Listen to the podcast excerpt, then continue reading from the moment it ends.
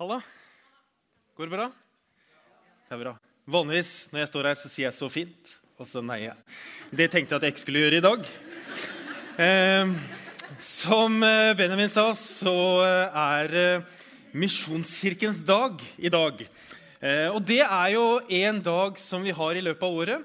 Eh, Så det betyr at denne søndagen står for seg selv. Det er ikke noe temaserie, det er ikke noe bibelserie. det er ikke noe 'kom igjen neste gang og få vite mer'. liksom. Det er i dag og ferdig med det. Er ikke det fint?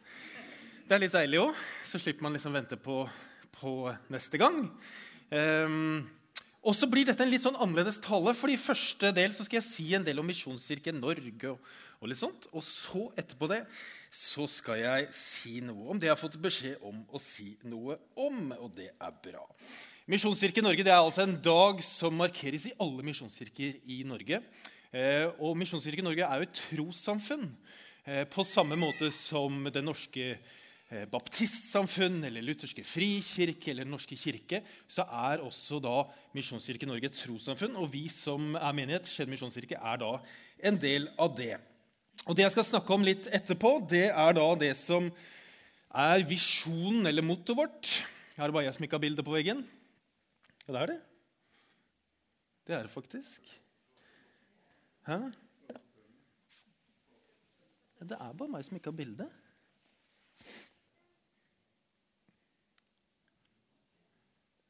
Nå gikk dere jo glipp av alle de morsomme vitsene.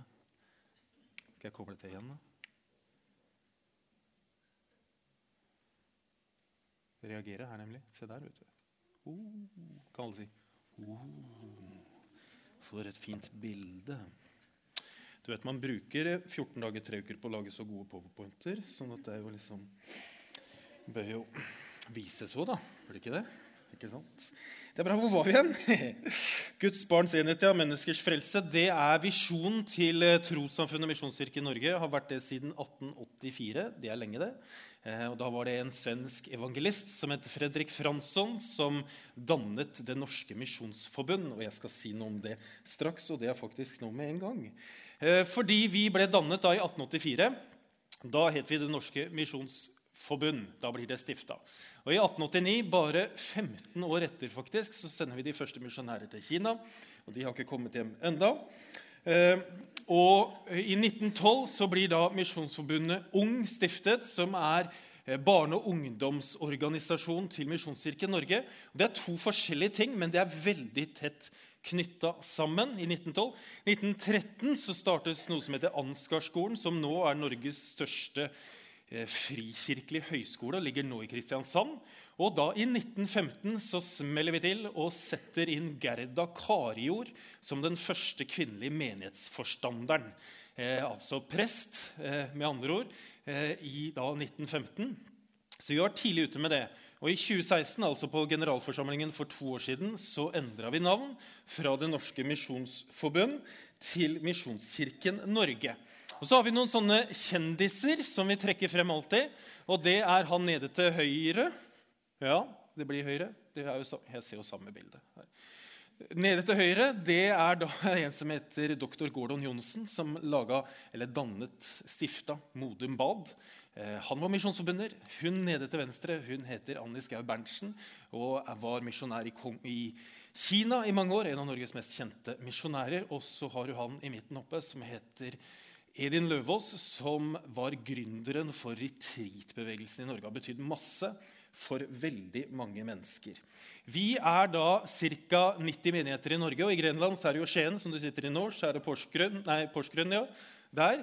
Eh, og så er det Gjerpen der, og det er Herøya der. Eh, Moflata, eh, Bøle og Skottfoss, som er da misjonskirker. Så er vi da selvstendige menigheter, og så bruk, liker vi å bruke et sånt fint ord som er kongresjonalistisk. Så på kirkekaffen så kan du ha konkurranse med som sitter ved siden av og si kongresjonalistisk ti ganger på 15 sekunder. Eh, vi er ca. 11 000 medlemmer i vårt trossamfunn. Eh, så sier vi at vi er midt i kirkelandskapet, og så kan du vurdere selv hva det betyr. Eh, og så har vi da fem fokusområder nasjonalt. eh, satsingsområder som er menighetsplanting. Det betyr at det er planta ganske mange nye menigheter, spesielt siden 2010. Vi har et veldig fokus på menighetsutvikling, og det handler om å utvikle de menighetene som er i dag, til å bli det de eh, skal være, og at de skal gjøre det de er kalt til å gjøre. Eh, og så driver vi med ledertrening. viktig Det det er derfor vi har sånne små ledere oppe på plattformen og starter tidlig. Eh, og så har vi fokus på disippelliv, som er på en måte den indre livet sammen med Jesus. Noen kaller også det for levende tro. Og så er det det siste satsingsområdet er diakoni. Og da tenker du kanskje fins det noe mer å satse på? Vet ikke helt. Men da har du liksom hele, hele pakka. Fem satsingsområder som vi jobber med. Så jobber vi på fire kontinenter. Eh, og så er det da visjonen som er Guds barns enhet og menneskers frelse. Hva er jeg nå, da, i manus? Eh, jo, det som er spesielt med trossamfunnet Misjonskirke Norge og Skien misjonskirke, er ett ord. Det er kanskje det som skiller oss mest fra alle andre trossamfunn i Norge. Og det er det at vi har samvittighetsfrihet, sier vi. Det betyr at vi har samvittighetsfrihet i forhold til dåp og dåpssyn og nattvær. Det betyr det at det er jo veldig få som går til krig i forhold til nattverdssyn. Men hos oss så sier ikke vi 'dette er Jesu legeme' eller 'dette er Jesu blod', men vi sier 'samfunn med Jesu legeme' og 'samfunn med Jesu blod' når vi deler ut nattverd, fordi eh, vi har vi, eh, Hos oss er det rom for å legge det man selv er overbevist om at nattverden er, i nattverden. Eh, og derfor, Når vi innstifter nattverden, så har vi fokus på at det er et fellesskapsmåltid mellom oss som tror, og et fellesskapsmåltid mellom oss og Gud. Henger dere med? Ja. Dåp betyr det at vi har ett dåpssyn, men vi døper på ulike tidspunkt i livet. Og det betyr at Når vi døper barn, så døper vi ut ifra et metodistisk dåpssyn, hvor vi døper eh, som en bekreftelse på at barna er Guds barn. Eh, og så døper vi voksne eller troende eller ungdommer med et baptistisk dåpssyn, som er eh, den klassiske voksendåpen. Ja. Hvis du lurer på masse om dette, så passer det jo glimrende at vi har lagt opp et møte etter gudstjenesten 12.40. Helt presis. Eh, hvor, hvor, det er et infomøte da, til dere som eh, lurer på om dere skal bli medlemmer, lurer på hva Misjonskirken står for, hva vi mener og alt sånne ting, så kan du komme på det møtet. Nå eh, kommer til å skje her rett etterpå, og så vil du få svar på alt du lurer på. Forhåpentligvis. Rett og slett. Ja, jeg skulle si noe om medlemskap, og sånt, men det, det hopper jeg over. Det sparer jeg. Eh, tror jeg. Ja. Så kom på det. Du, det er jo da ikke for deg som er medlem, men det er for deg som lurer på om du blir medlem, eller har gått her en stund, lurer på hva vi står for, osv. Ja. Da skal jeg snakke om dagens tema, som vi har fått fra Misjonskirken Norge. og Det er Guds barns enhet og menneskers frelse. Det er utgangspunktet til talen. Og jeg kommer i all hovedsak til å holde meg liksom til det første punktet. Enhet. Hva er det? Og Bibelteksten den eh, har vi fra Johannes. For det var sånn at Jesus han ba mye. Han ba ofte, og så ba han på forskjellige steder. Og En av de bønnene som, er, som Johannes har skrevet ned, da, som er lengst, står i Johannesevangeliet. og Den kaller vi for fint for Jesu ypperste prestlige bønn. Eh, og Den ber han når han har, um, i påska etter at de har innstifta nattværmåltidet sammen med disiplene. og de har spist nattvær, og Så er han på vei til Getsemane eh, for å be og for å lide og dø. og på den veien så ber han denne bønnen. Og så er det et lite utdrag som vi har, det, ikke, altså som jeg trekker opp her, som det står da Jesus ber. Jeg ber ikke bare for dem, sier han, men også for dem som gjennom deres ord skal komme til tro på meg. Må de alle være ett, slik du, far, er i meg og jeg i deg. Slik skal også de være i oss, for at verden skal tro at du har sendt meg. Den herligheten du har gitt meg, har jeg gitt dem, for at de skal være ett, slik vi er ett. Jeg i dem og du i meg, så de helt og fullt kan være ett. Da skal verden skjønne at du har sendt meg, og at du elsker dem slik du har elsket meg. Når man leser den bønnen, så kan det være litt vanskelig å henge med. For det er så mange ting. Og det er så fullstappet med innhold, egentlig. Men det Jesus ber om, da Han ber om først eh, for dem som gjennom deres ord, altså gjennom disiplenes ord, kommer til tro på Han. Det betyr jo disiplene. Han ber for disiplene. Og så ber han for de som gjennom deres ord kommer til tro på ham, altså deg og meg. Og så ber han da for de som gjennom våre ord kommer til tro på han. Jeg vet ikke hvordan det er med deg, eh, men mange av oss lever med litt sånn kortsiktige perspektiver. Hvor vi er opptatt av det som skal skje i morgen, kanskje, og neste uke, om fem år eller om ti år. Men Jesus han har et veldig langsiktig perspektiv. Dette er jo 2000 år siden han ba. Og så ber han for de som etter oss og gjennom våre ord kommer til tro på Han. Og så ber han om at de må alle være ett. Må de alle være ett. Og bare i dette korte avsnittet her så ber han om det tre ganger. Og Hvis du leser hele, så ber han om det mange ganger, at de må være ett. Han ber ikke om at de skal bli ett, men han ber om at de skal være det vi er. Slik du, far, er i meg, og jeg i deg, slik skal også de være i oss, for at verden skal tro at du har sendt meg. Du vet, Gud, han skaper enhet. Han er jo enhet. Han er helhet. Han er fred og harmoni. Han er Fader, han er Sønn og Den hellige ånd. Han er tre i én. Treenigheten, treenheten. Fordi han er én. Han er ett. Han er helhet og enhet. Og hør her. Enhet og helhet det er ikke det samme som enighet. Det er to helt forskjellige ting. Fordi enhet og helhet i Guds perspektiv, det er jo mangfold. Og Tidligere i høst så snakket vi om at Gud han er opphavet til all kreativitet. Han er eh, skaperen. Han er eh, han, han, Det er han som gir oss fantasi, som gjør at vi får et mangfold. Og han skaper mangfold. Ikke to mennesker er jo like. Det ser vi jo rundt oss. Vi ser på fingeravtrykkene våre, ingen er like. Det er ikke to løvblader som er like. Det er ikke to snøfnugg som er like, og det så vi i går.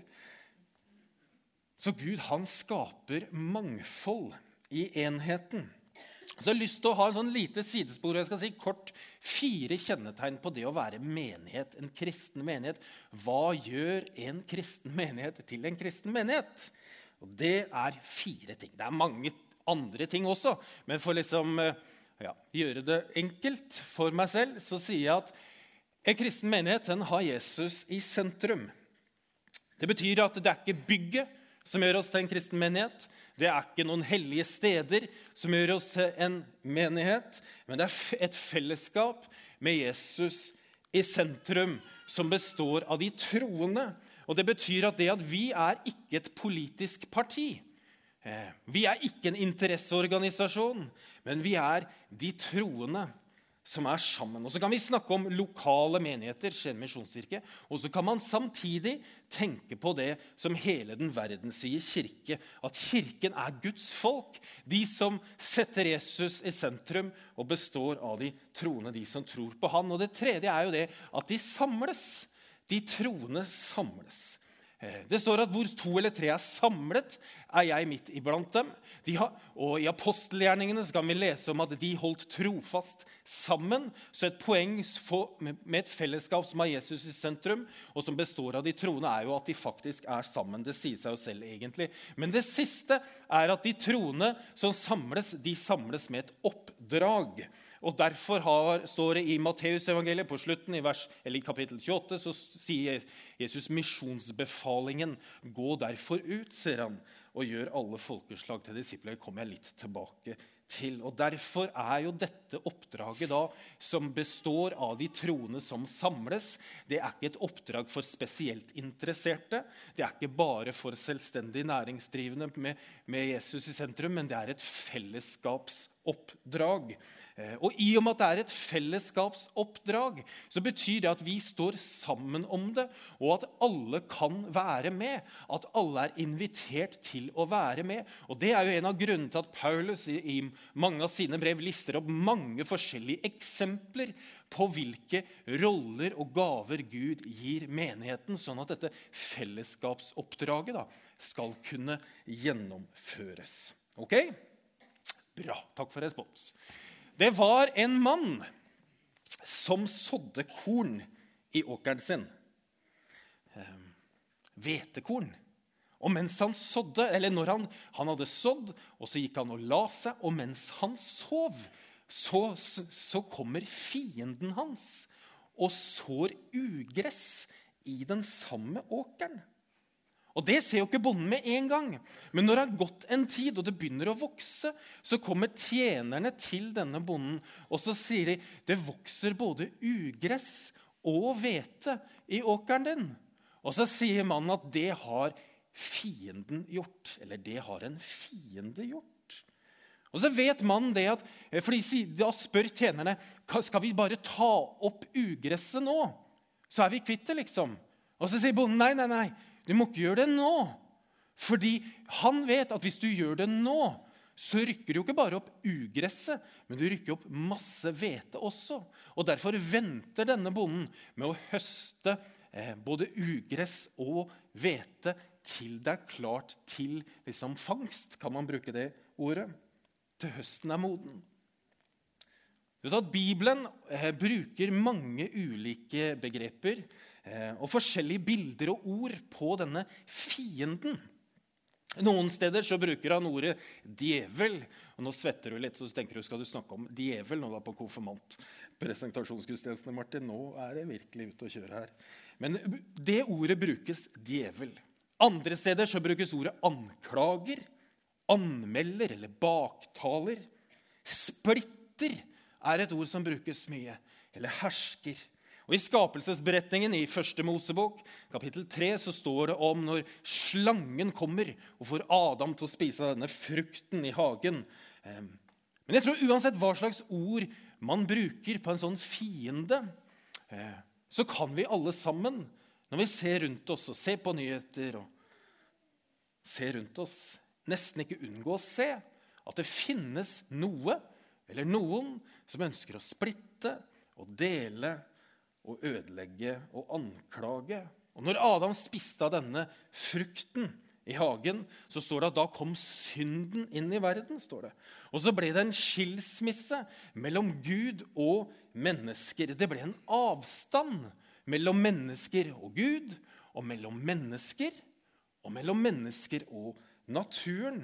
Og Paulus, som har skrevet halve Det nye testamentet, han forsøker å liksom oppsummere noe av dette for hva slags konsekvens det har når han skriver et brev til en menighet som, i Galatia, som vi kaller for Galaterbrevet. Og Da skriver Paulus det er klart hva, det som, hva som kommer fra vår onde natur.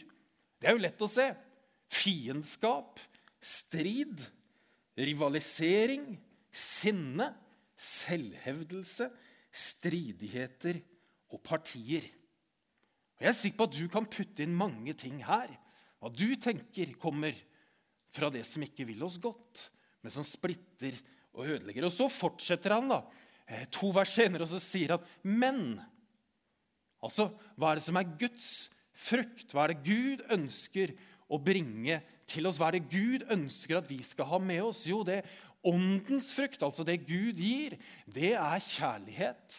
Det er glede, det er fred, det er overbærenhet, det er vennlighet, det er godhet, det er trofasthet, ydmykhet og selvbeherskelse. Det er jo helt andre ting, er det ikke det? Selvbeherskelse, overbærenhet, fred. Vi sier om Jesus at han er verdens frelser. Og frelser det betyr egentlig det å gjøre hel.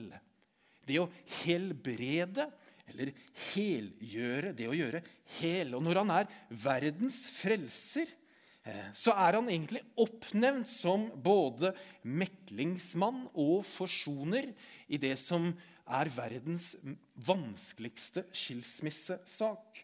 Og når Paulus skriver til en, en eh, mann som han trener opp, som heter Timoteus, så skriver han at for det er én Gud og én mellommann mellom Gud og mennesker, mennesket Jesus Kristus. Så hva er en mellommann? En mellommann er en som står mellom to parter, og så forener han dem. Og det å forene, det å forsone, eller eh, Det er ikke å møtes på halvveien. For det kaller jo vi for forhandling, når du har to parter og så sier ja, jeg kan gå dit, og så kan han gå dit, og så møtes vi til slutt på halvveien, liksom, og så blir vi enige. Det er ikke det Jesus gjør. Fordi når Jesus dør på korset, så sier ikke han til gutta etterpå at nå, nå gutter, eh, nå har jeg gjort halvveis, nå har jeg gjort halve jobben, så da trenger dere å gjøre dette. Nå må dere gjøre resten. For nå har jeg, jeg har gjort min del, og så må dere gjøre, gjøre, det som dere må gjøre. Det er ikke det Jesus sier. Jesus sier at det er fullbrakt, sier Jesus. Det er fullført. Jeg har gjort alt. Alt er ferdig, sier Jesus, fordi han gikk hele veien og ble vår forsoner. Og Jeg har et langt eh, avsnitt her fra Efeserbrevet. og Det er igjen Paulus som skriver, som forsøker å forklare dette for efesermenigheten. Og Da skriver han for han, altså Jesus, han er vår fred. Han som gjorde de to til ett og rev ned den muren som skilte fiendskapet. Og ved sin kropp så har han opphevet loven med dens bud og forskrifter. Slik stiftet han fred da han av de to skapte et nytt menneske i seg. I en kropp forsonte han dem begge med Gud da han døde på korset, og slik drepte fiendskapet. Gjennom ham har både vi og dere adgang til Far i én ånd. Derfor er dere ikke lenger fremmede og utlendinger. Nei, dere er de helliges medborgere og Guds familie. Jesus Kristus han er vår forsoner. Og han forsoner oss med Gud og med hverandre. Det er han som frelser, og det er han som gjør oss hel. Og det betyr dere at menighet og menigheten det er ett samfunn. Selv om vi har mange ulike kirker og kirkesamfunn. Det er jo mange som ber om enhet for Guds folk. Men hør her vi er jo for sent ute. Fordi enhet er ikke noe vi lager. Enheten er noe Gud har skapt. Det Paulus gjør, han formaner oss imidlertid til å eh, bevare åndens enhet. Han skriver Bare så liten skrift. Sett alt inn på å bevare åndens enhet. Sett alt inn på å bevare åndens enhet i den fred som binder sammen én kropp, én ånd, slik dere fikk ett håp da dere ble kalt. Én Herre, én tro, én dåp, én Gud og alles Far. Han som er over alle og gjennom alle og i alle. Bevare åndens enhet. Det er Jesus som er forutsetningen for enhet i menighet. Det er ikke vi. Jeg har en søster som heter Marianne. Og hun er seks år eldre enn meg. Tenk på det. Det går an. Ja, billig poeng. Men hun er, og jeg er veldig forskjellige. Vi er forskjellige i utseende. Veldig. Eh, og så er vi forskjellige i hva vi liker. Veldig. Og vi er forskjellige i hvor vi bor. Vi er forskjellige i hva vi er gode på. Eh, vi er veldig forskjellige, Marianne og jeg. Men så har vi noe felles. Og det er at vi har samme opphav. Vi har samme mor og far. Og Hvis jeg skulle sett på Marianne og sett ja, er du søstera mi egentlig, så nei. Det er ikke det. Det ser jo ikke sånn ut. Men det er jo ikke likheten som bestemmer om man er et slektskap. Det er opphavet. Og Derfor er menigheten i stort ikke et fellesskap av de som har eh, samme oppvekst, samme teologiske oppfattelse, samme musikksmak, samme Putt inn hva du vil. Det er ikke det som er som gjør oss til menighet. Fordi menighet er et fellesskap med de som har samme Herre, med de som har samme Far, og med de som har samme ånd. Det er det som gjør oss til menighet. Og så betyr det da at vi har samme oppdrag, som jeg sa i starten. Gå derfor ut og gjør alle folkeslag til disipler. Døp dem til Faderens og Sønnens og Den hellige ånds navn, og lær dem å holde alt det har befalt dere.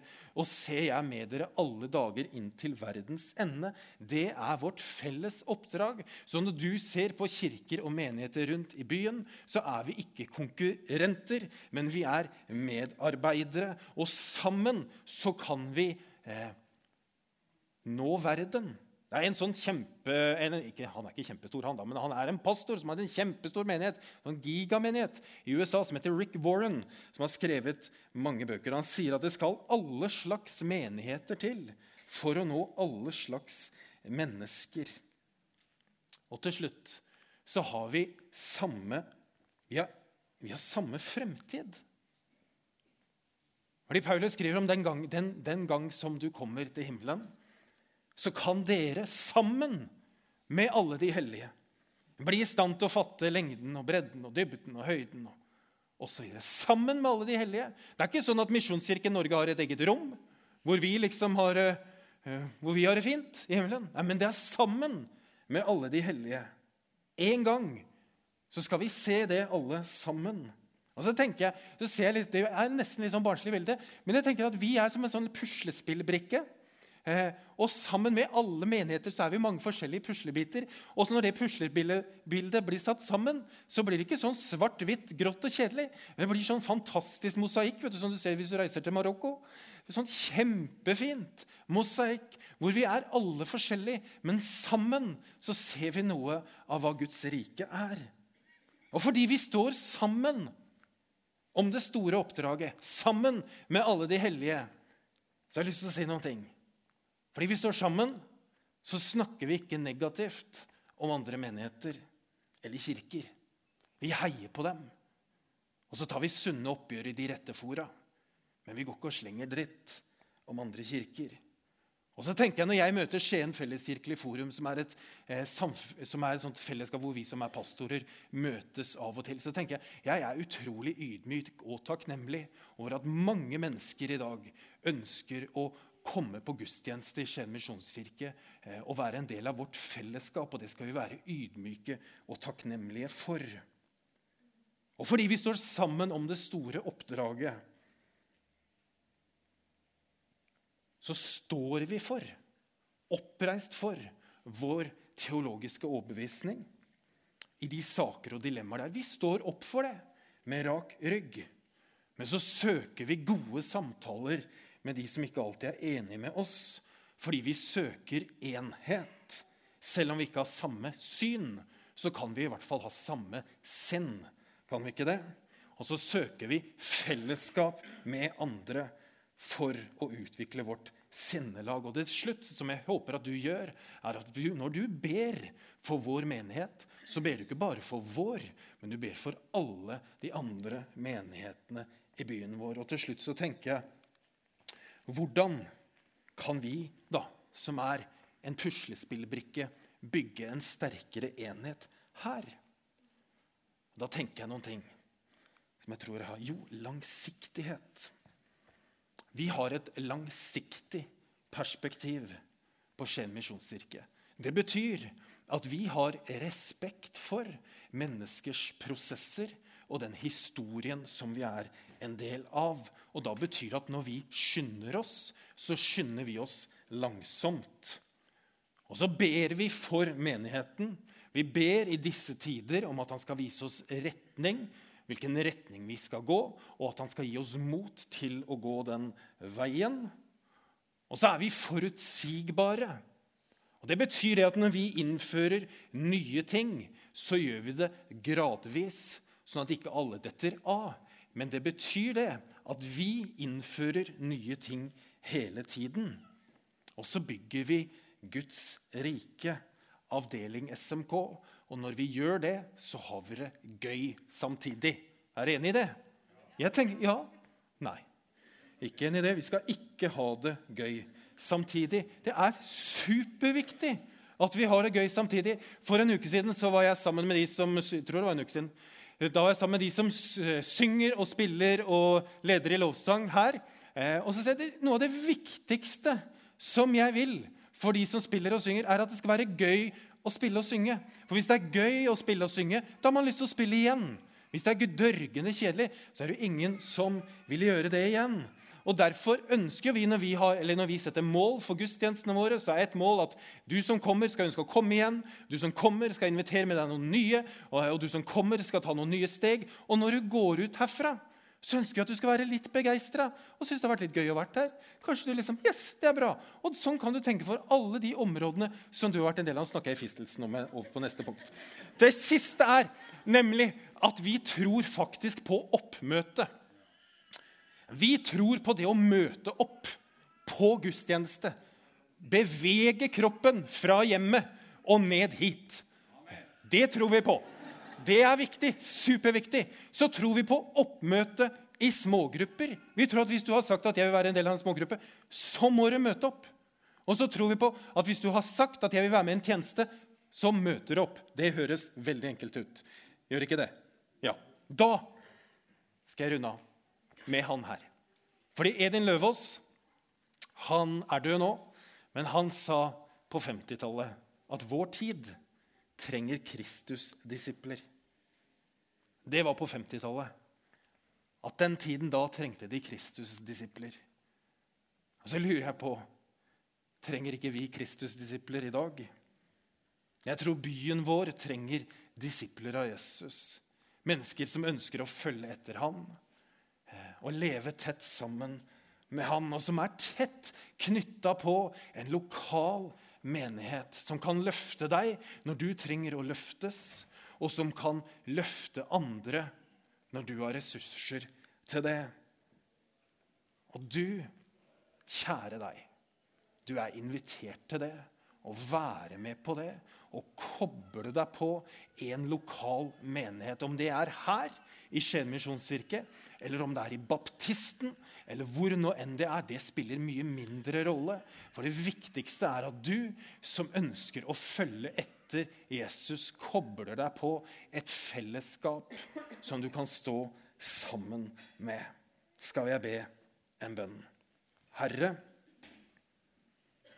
takk for at du sendte Jesus til verden for at vi skulle ha fellesskap med deg for alltid. Det er ikke alltid så lett å forstå hva det innebærer. Men jeg ber, Herre, om at du skal vise det for oss i dagene som kommer. Og så ber jeg, Herre, om at du skal utfordre oss som trenger det, og finne vår vei i hvordan vi skal kobles på din lokale menighet. Hjelp oss, Herre, til å bli det som du ønsker at vi skal bli.